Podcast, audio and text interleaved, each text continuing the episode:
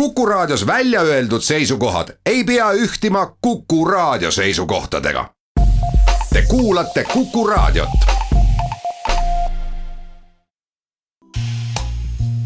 saate teeb soojaks e-homer.ee soojustus parima hinnaga.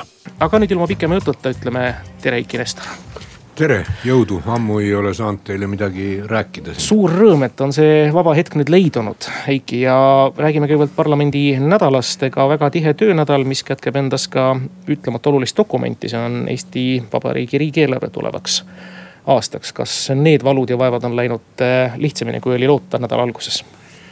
Need äh, valud ja vaevad kestavad veel, et see, sellel äh, nädalal me muutsime veel selle aasta eelarvet, et see on selline iga-aastane äh, paratamatu sündmus. nimelt, kui järgmise aasta eelarvet tehakse, siis kõiki kulutusi täpselt määratleda ei ole võimalik ja igal aastal siis äh, sügise poole valitsus teeb korrektiive oma, oma eelarves. ja nii nagu varem ka sellel aastal läks hästi rahulikult, sellepärast reeglina üks ministeerium tõstab ühe rea pealt raha teise rea, rea peale ja suurt poliitilist vaidlust ei ole.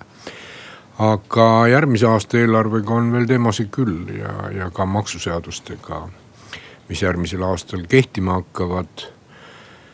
näiteks peaks siis tulema tulumaksuseadusesse täpsustus, et pensionärid, kes töötavad, saavad esitada kaks avaldust oma tulumaksuvaba miinimumi arvestamiseks, ühe siis töökohta ja teise Sotsiaalkindlustusametile. sest muidu oleks neil tekkinud nihukene narr olukord, et nad oleks saanud aasta pärast suurema summa raha tagasi, aga siiamaani pidanud hästi palju maksma, nii et eks neid kohti, mida seal i-le täppe panna, on veel küll ja küll. ja no eilegi veel valitsus äh, langetas otsuseid, mis on seotud järgmise aasta tuludega, nii et need veel alles tulevad komisjoni ja mõned asjad, mis puudutavad siis nüüd teie tulevaste kolleegide tööd, võib-olla ka teie enda tööd, kui te järgmine kord kandideerite. kindlasti emotsionaalne küsimus riigikogu liikmete töötasust, mis nüüd on ka hilissügisest laual olnud, pluss veel ka eile võeti valitsus, äh, riigikogu menetlusse. ei, see oli juba täna. ei, ikkagi eile, täna istungit ei peeta, eelnõu valimisseaduse muutmiseks Eh, valimisseaduse muudatus, mis eile esitati, ei ole väga pika sisuga, et teine valimisseaduse muudatus, mis on nüüd ettevalmistamisel eh, Vabariigi Valimiskomisjoni poolt ja selle ettepaneku tegi riigikogu vanematekogu, see on palju sisulisem. ja seal kõigepealt, ühesõnaga probleem on milles, et me räägime, et meie Eesti valimissüsteem on proportsionaalne aga kuna inimesed liiguvad ühest kohast teise, siis äh, aja jooksul äh, sõltuvalt äh, siis valijate arvust muutub ka kohtade jaotus riigikogus. ehk piltlikult öeldes, kui viimastel valimistel, et saada isikumandaati Lääne-Virumaal, kus on viis kohta tuli saada viis, tuli saada siis kakskümmend protsenti Lääne-Virumaa valijate häälest, häältest siis Harjumaal, kus on neliteist kohta, tuli saada siis mingisugune seitse koma. ja need on, see vahe on juba mitmekordne, et, et kui tulevikus need tendentsid jätkuvad, siis see vahe võib veelgi suureneda. ja selles mõttes ei ole see Lääne-Virumaa valijate suhtes õiglane ja ka Lääne-Virumaa kandidaatide suhtes õiglane seetõttu on juba mõnda aega räägitud vajadusest ühtlustada siis seda mandaatide arvu valimisringkondades ja sellesuunalise palve esitas ka riigikogu vanematekogu üksmeelselt, see on siis kolm juhatuse liiget ja fraktsioonide juhid vabariigi valimiskomisjonile, et nad teeksid oma ettepanekud, kuidas seda vähendada. seda vahet vähendada ja nüüd mingid ettepanekud, ilmselt siis valimiskomisjoni omad on juba avalikuks tulnud. mis tähendab oluliselt suuremaid ringkondi kui täna. aga siin veel teemasid arutada on küll ja küll, et kui asi on väga lihtne, et kui ollakse üksmeelsed muudatuste suhtes, siis jõuab need veel ära teha kahe tuhande üheksateistkümnenda aasta valimisteks. kui ei olda üksmeelsed, siis ilmselt kahe tuhande üheksateistkümnenda aasta valimisteks neid muudatusi ei tehta ja siis jääb see tänane olukord, mis ei ole kõige parem proportsionaalsuse mõttes. nii et äh, ega meil jõuluvana tuleb kahekümne esimesel detsembril, ootame siis teda, see on alati tähelepanuväärne sündmus meie elus. aga noh, on teisigi tähtpäevi, järgmisel teisipäeval. Eesti maapäev sada. Eesti maapäev sada ehk siis nüüd on targad inimesed andnud talle väga ilusa nime, rahvusliku enesemääramise sajas aastapäev. et sada kuus noort inimest on juba mõnda aega teinud tööd ja kannavad ette Eesti Noorte Manifesti sellel päeval. ja tuleb selline nii pidulik kui töine päev, mis algab hommikul vara ja lõpeb muuseas siis äh, kõigile tantsuhuvilistele ja noorematele inimestele. lõpeb äh, Toompea lossi platsil muusika mängimisega ja muusikat mängivad Heidy Purga ja Eiki Nestor. saate teeb soojaks e-homer.ee soojustus parima hinnaga kakskümmend minutit on kell üle kahe, saade nimega Saade stuudios on riigikogu esimees Eiki Nestor. no jõuame selle juurde, millega nüüd mõned kolleegid, parlamendiliikmed on noh silma paistnud, millega nad on uudiskünnist ületanud eh, kahju. ja siin peab natuke ise ka häbenema kolleegide pärast, kes on loomulikult eh, sellest sõnade pingpongist kinni võtnud, seda natukene võimendanud ja sellest vähemasti pooleks tunniks esiuudisi teinud ja lasknud ka kommentaar meil valla minna. ehk siis need väljaütlemised, mis teps mitte ei lähe hea kasvatusega kokku. ma ei tea, Eiki Nestor, kas on selline mingisugune selline vaevale kutsumise printsiip või, või selline nurka saatmise printsiip või põhimõte olemas. eetikakoodeks nagu on olemas, ma ei tea, kas ta kehtib ja mil määral. aga kuidas riigikogu esimees, kes on rõhutanud parlamendi maine olulisust ja selle nimel töötamist, sellistesse järjepidevatesse väljaütlemistesse suhtub? kõigepealt, mis seaduse järgi saab teha, võin kohe öelda et kui keegi tuleb riigikogu kõnepulti ja räägib seal inetusi, siis ma saan teha talle märkuse ja kui ta jätkab, siis ma saan ta mikrofoni välja lülitada ja öelda, et mine istu kohale. Ehm, tõele au andes mul ei ole seda olnud vaja teha. Ehm, kui ta räägib rumalusi, siis ma ei saa seda öelda, kui ta räägib inetusi, siis saan. rumalusi muidugi minu mõistes, sest tema oma teada ajab kõige targemat juttu, mida ta üldse välja mõelda võib teiseks on olemas tõesti eetikakoodeks, kus siis kutsutakse üles ka austusväärselt suhtuma oma kolleegidesse. ja ega selle eetikakoodeksiga on ka nii, et selle hindajad on ikkagi need inimesed, kes need riigikogu liikmed on tööle võtnud ehk valijad, et, et see on eh, teie käes hinnata. kuidas nüüd valijad ühte või teist eh, ka minu meelest eh, oma töökaaslase kohta Äh, nagu mittesobiva väljaütlemise asjus suhte võtavad. eks see on ka valijate teha, mine tea, võib-olla mõnele meeldibki, aga ma siiski arvan, et suurem osa, suuremal, suurem osa meist saab aru, et kui me kuskil töötame, et ja meil on kolleegid, siis me peaks nagu suhtlema ja suhtuma teineteisesse austusega ja arusaamisega et ma võin teile ausalt öelda, et neid kohti kuulates näiteks seal riigikogu juhatades neid kohti, kus keegi peab kõnet, millega ma nagu sisus totaalselt nõus ei ole. Eh, neid on väga palju ja see on loomulik asjade käik, aga see ei tähenda, et ma siis eh, peaks kuidagi noh, võtma seda kõnet teistmoodi kui seda kõnet, eh, mis mulle meeldib sisus. sest lõpp, lõppkokkuvõttes see on on siis meie kui parlamendiliikmete suhtumine ka nendesse valijatesse, kes ühe või teise inimese sinna on valinud ja valijate valikut tuleb ju alati austada. ma olen suht-koht rahulik inimene, aga ma pean tunnistama, et neid hetki ka, kus tahaks võtta vahest haamri niimoodi ja kasutada seda mitte siis äh, seaduse vastuvõtmisel lõpliku, lõpliku laksuna, vaid mingil muul otstarbel. et neid on ikka vahest tekkinud, aga, aga ega ma ju seda ei tee ja ei tohigi teha ja ei saagi teha. nii et äh, esimene ja kõige suurem mõjutusvahend selles suhtes, kui keegi oma kolleegide suht-, suhtes inetusi ütleb või ka muul moel inetusi ütleb, mis isegi mind võib-olla, ma ütlen ikka äh, selle möödunud aasta kõige häirivam, häirivam väljend oli kohtunike pea mahavõtmine. et see, see on juba, kõlab ähvardusena nagu äh, riigivõimu poolt, see ei ole nagu hinnang kellegi kohta. ja parlamendisaadik ei peaks ähvardama Eesti sõltumatut kohtuvõimu sellega et ta lubab nendel pead maha võtta, ta võib, ta võib öelda ju selle kohtuvõimu kohta, mida ta arvab, aga, aga noh, see, sellised väljendid nagu ei kõlba kohe mitte kuskile. nii et need vast isegi on, on kõige no, julmemad või ebameeldivamad või, või ütlen kohe ausalt ka riigikogu mainet rikkuvamad, et parlamendiliige ei peaks ikkagi ähvardama kohtunikul pead maha võtma, päris kindlasti.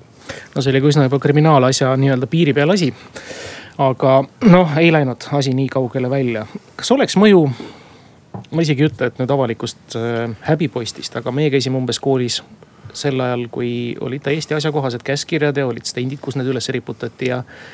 ja muud moodi siis nii-öelda noomituste ja need olid mõjuvad tegelikult. nii-öelda postamendid ja plakatid. ma, ma isegi ei räägi, võib-olla isegi näiteks äh, rahaline mingisugune kaotus parlamendiliikmele tema ja siis tekib jälle küsimus, kes seda määrab, et seda peaksid jälle ka määrama valijad, et no. et paremini mõista äh, riigikogu liikme tööd, siis kõige suurem, tähtsam ja vaieldamatult kõige mõjukam hindaja on tema kõrge ausus valija.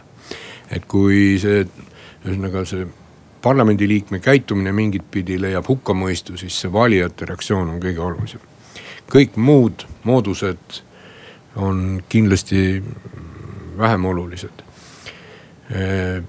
ja selles mõttes äh, ka näiteks riigikogu juhatuse lausa kohustus on ju, et vaadata, et nii parlamendi enamus kui vähemus saaks oma mõtteid avaldada, oma tööd teha. Me teeme seda täiesti teadlikult äh, selliselt, et hoiame seda tasakaalu. noh, mis näite ma toon näiteks kui komisjoni juhte vahet, valitakse, siis meil on kohe seaduses paragrahv, et neid tuleb valida ühe hääletusega, mis alati tähendab sisuliselt seda, et mõlemad pooled saavad komisjoni juhtimisel esindatuse. või riigikogu aseesimehi valitakse ühe hääletusega, mõlemad saab, mõlemad saavad e-, esindatud. noh, nüüd hiljutine näide on Tallinna volikogus, kus siis see protseduur käib teistmoodi seal sisuliselt äh, Tallinna volikogu enamus otsustas, kes saab opositsiooni poolt aseesimeheks, mis ei käi hea tava juurde, ei kõlba ausalt öeldes mitte kuskile. ja jättis ka halva mulje ja kõik seda juba kritiseerisid. riigikogu puhul nihukest asja lihtsalt ei saa juhtuda, et keegi teine otsustab opositsiooni asemel, kes ta aseesimees on. nii et äh, meie kohus on hoida, ühtpidi jälgida, et need äh, saadikud saaksid kõik oma tööd teha.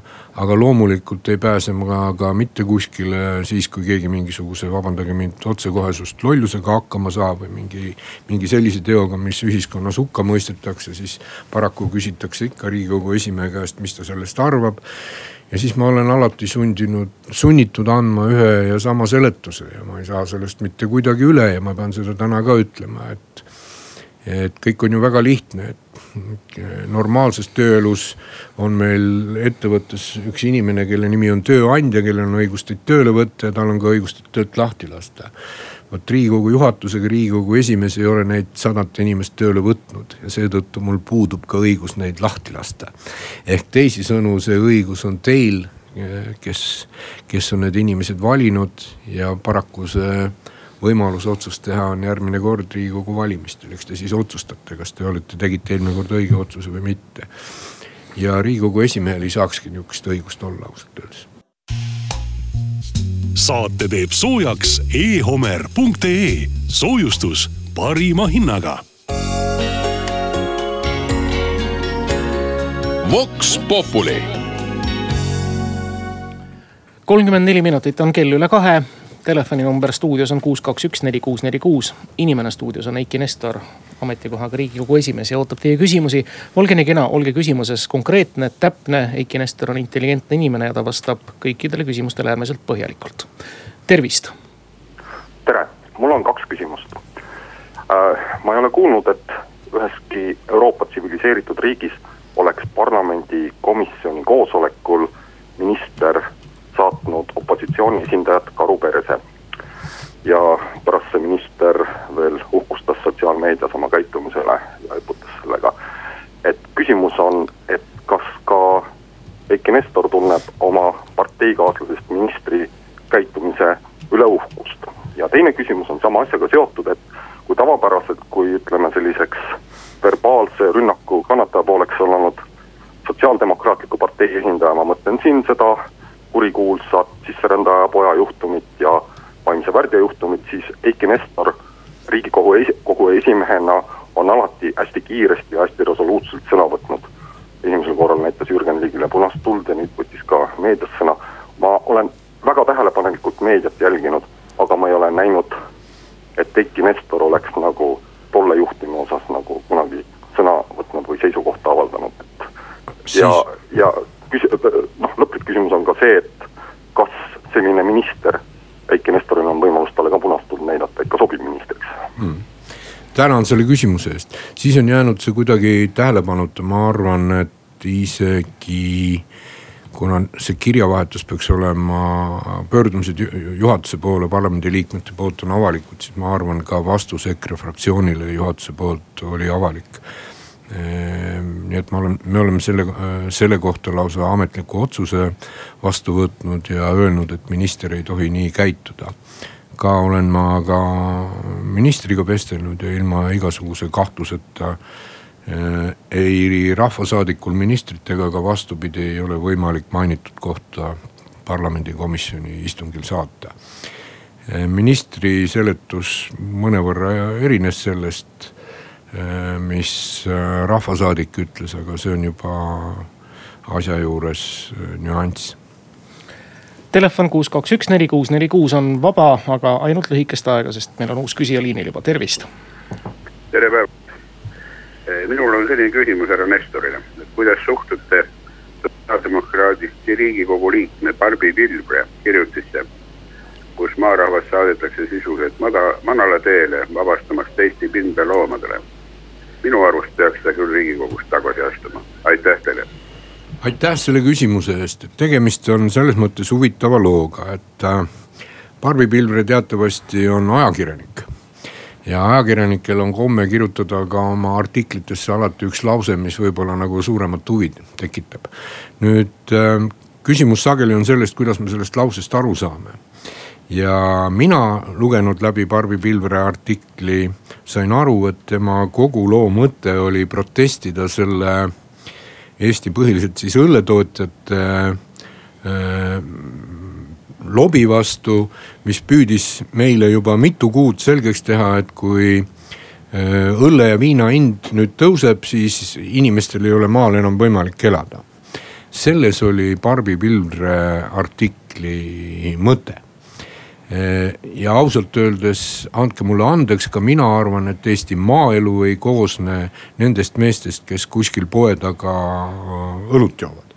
Et Eesti maaelus on nii palju ilusat, head ja vajalikku, et äh, lihtsalt imekspandav ja kui nüüd keegi juba kuid seletab, et kui nüüd õlle hind tõuseb, siis maal elu lõpeb, siis see lõppkokkuvõttes on vale, häbematu vale ja selle vastu ka Barbi protestis mida ta ei arvestanud, ta ei arvestanud seda, et kui ta kirjutab ühe artikli poliitikuna, mitte ajakirjanikuna, siis poliitilised vastased äh, korjavadki võib-olla sealt ülesse selle ühe lause ja keeravad selle mõtte teistpidi ja kasutavad ära. nii et äh, äh, usun võib-olla, et järgmine kord kirjutab ka artiklit rohkem kui poliitiku, mitte kui ajakirjanik et see tuleb talle kasuks. aga kindlasti seda Barbit tundes ei olnud tal mingit soovi meie maainimesi solvata. ta on ise äh, pool oma ajast veedab sellises ilusas kohas, kus eriti infrastruktuuri poolest ei saa hõisata, ehk ta on infrastruktuuri mõttes väga keeruline koht nagu Vormsi saar ja on kindlasti maainimeste poolt. nii et e, näide on selle kohta, kuidas saab võtta ka poliitiku tekstist ühe lause ja anda talle teine suund. kuus, kaks, üks, neli, kuus, neli, kuus on vaba, ootamaks teie küsimusi stuudios viibivale riigikogu esimehele Eiki Nestorile. me räägime täna peaasjalikult parlamendiliikmete käitumisest, nende ülalpidamisest.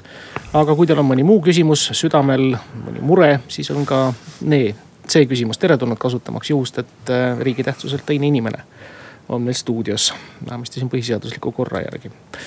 Eiki, kui palju äh, kohtumisel erinevate valijatega, nende gruppidega, kes käivad muudkui aga ekskursioonil, noored ja natuke vanemad, äh, tõstatub seesama küsimus? Ikka tõstatub, väga sageli tõstatub. eks põhilised küsimused, mis nendel kohtumistel on, ongi seotud just selle teemaga, mis sellel hetkel nagu on päevakohane või kõige rohkem, millest kõige rohkem meedias räägitakse, et ma äh,.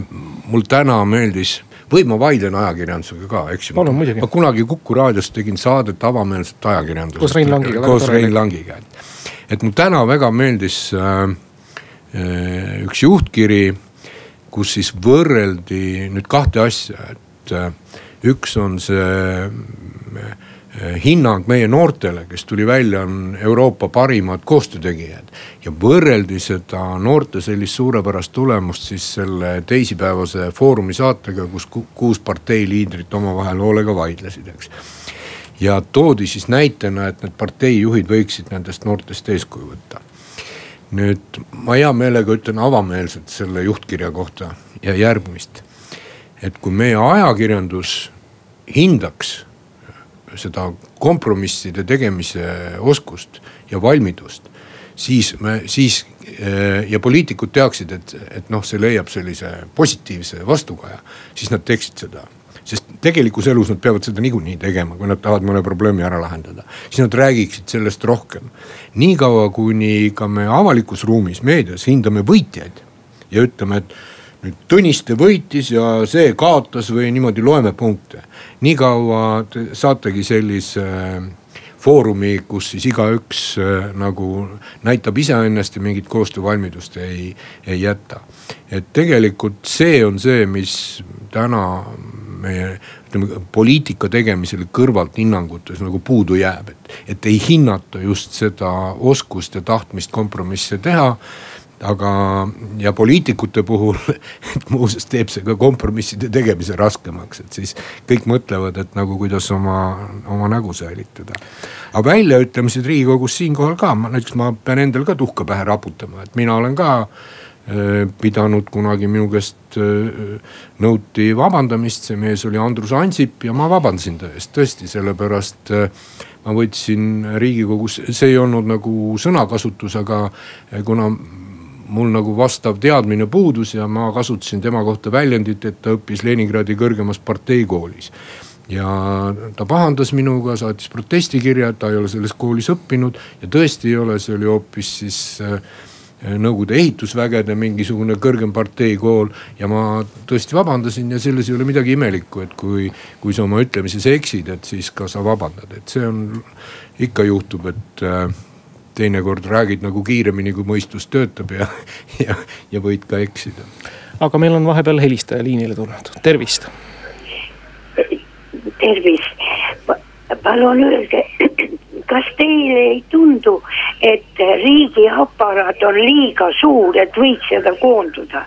see on esimene küsimus ja teine küsimus on, kuidas, kas ei ole teil läbi nende, nende, kes ise otsustavad palka endale nii suureks tõsta, võrreldes seda lihtinimesega, kes peab leppima seal see viie, kuuesaja, seitsmesaja euro palgaga.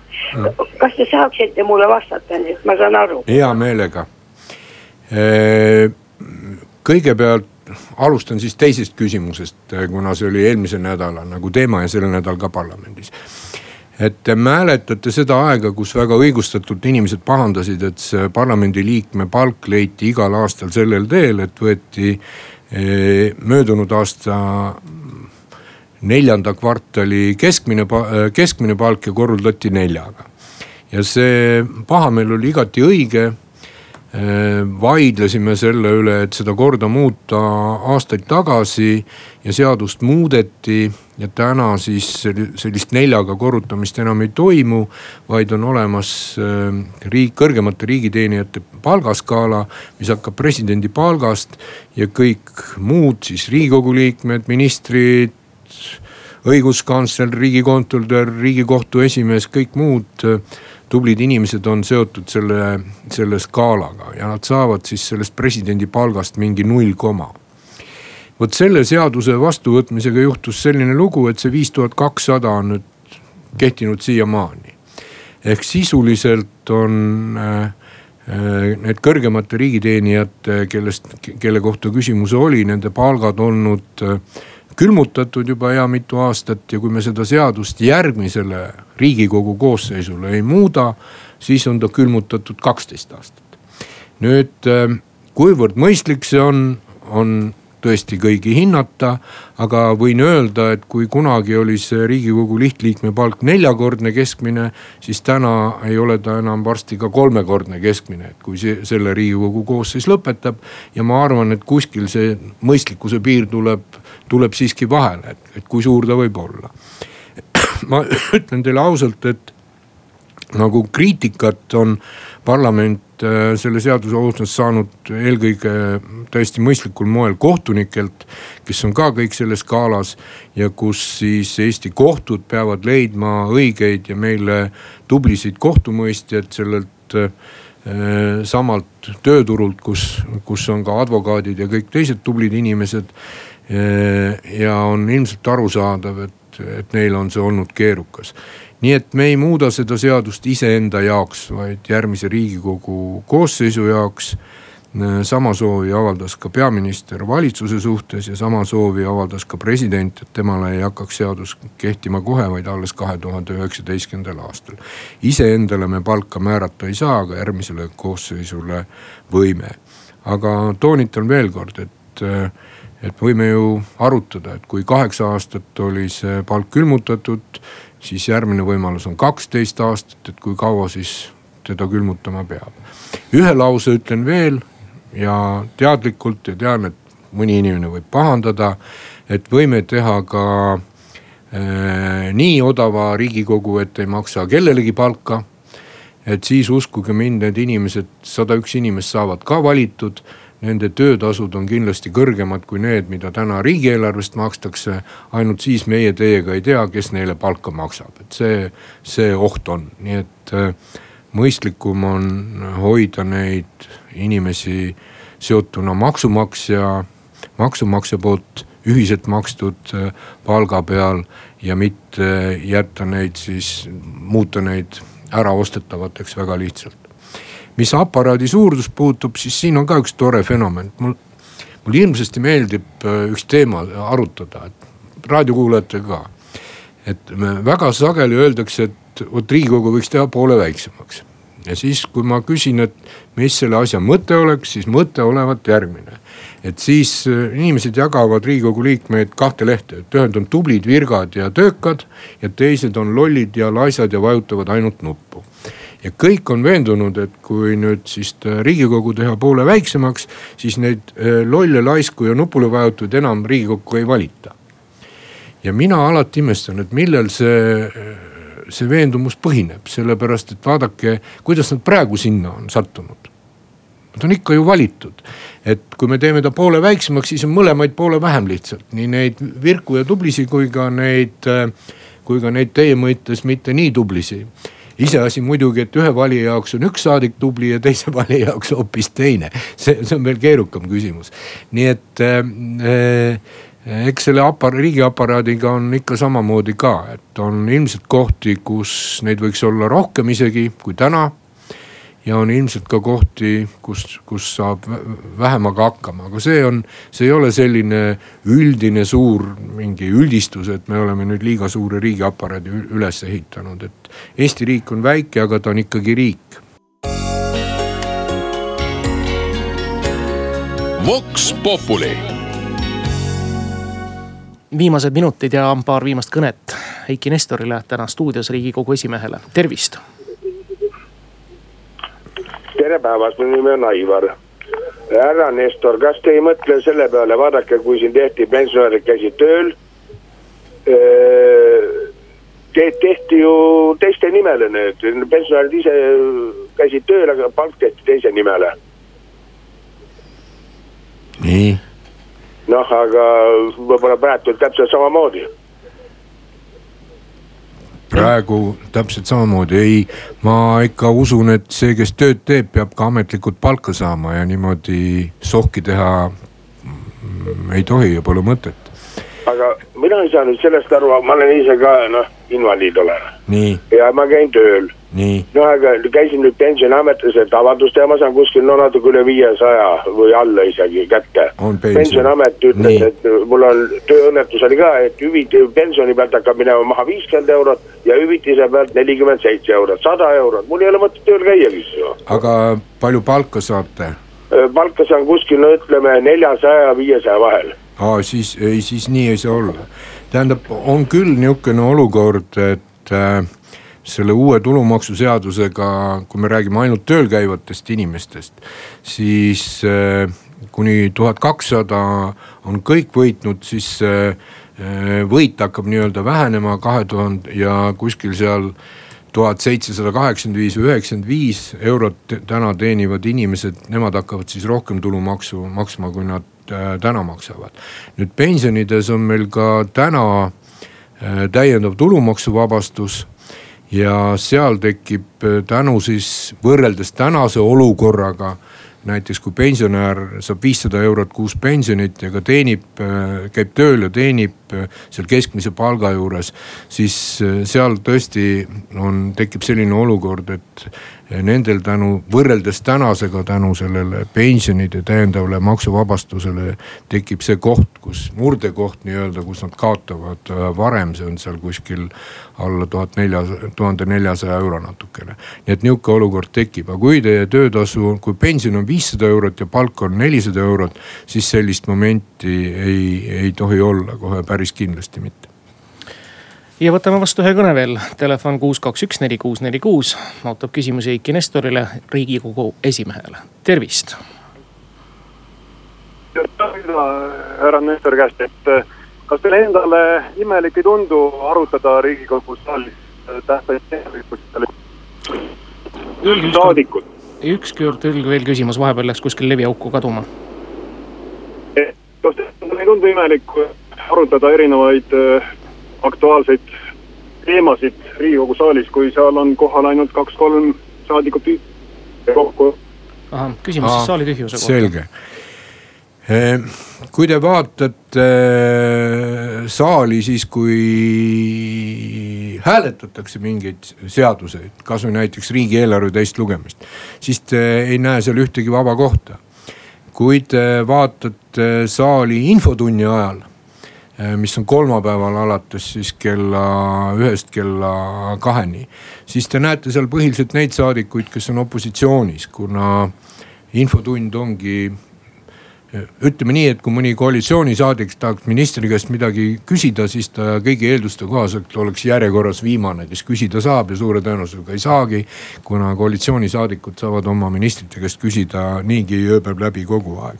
et see ongi selline võimalus opositsioonile eelkõige nii et äh, alati see saalis olek tegelikult ikkagi sõltub, äh, mida arutatakse, äh, selle tähtsusest. on, on väga huvitavaid debatte ja on mitte nii huvitavaid, on neid teemasid, kus kõik on saalis ja on neid te teemasid, kus tõesti on riigikogu, riigikogus saalis inimesi vähe. nii et kõik sõltub sellest, kui, kui äge see asi on aitäh kõigile helistajatele, loomulikult suur aitäh Heiki Nestor täna stuudiosse tulemast, ka küsimustele vastamast. soovime ilusat aega, mis on jäänud jõuluvanani, sinna on natuke vähem kui kuu. edu, jõudu, palju häid otsuseid ja mõtteid. ja ärge unustage ka Kuku raadio kuulajad ikka päkapikud käivad vaatavad. juba käivad, tõepoolest, aitäh Heiki Nestor. aitäh. Vox Populi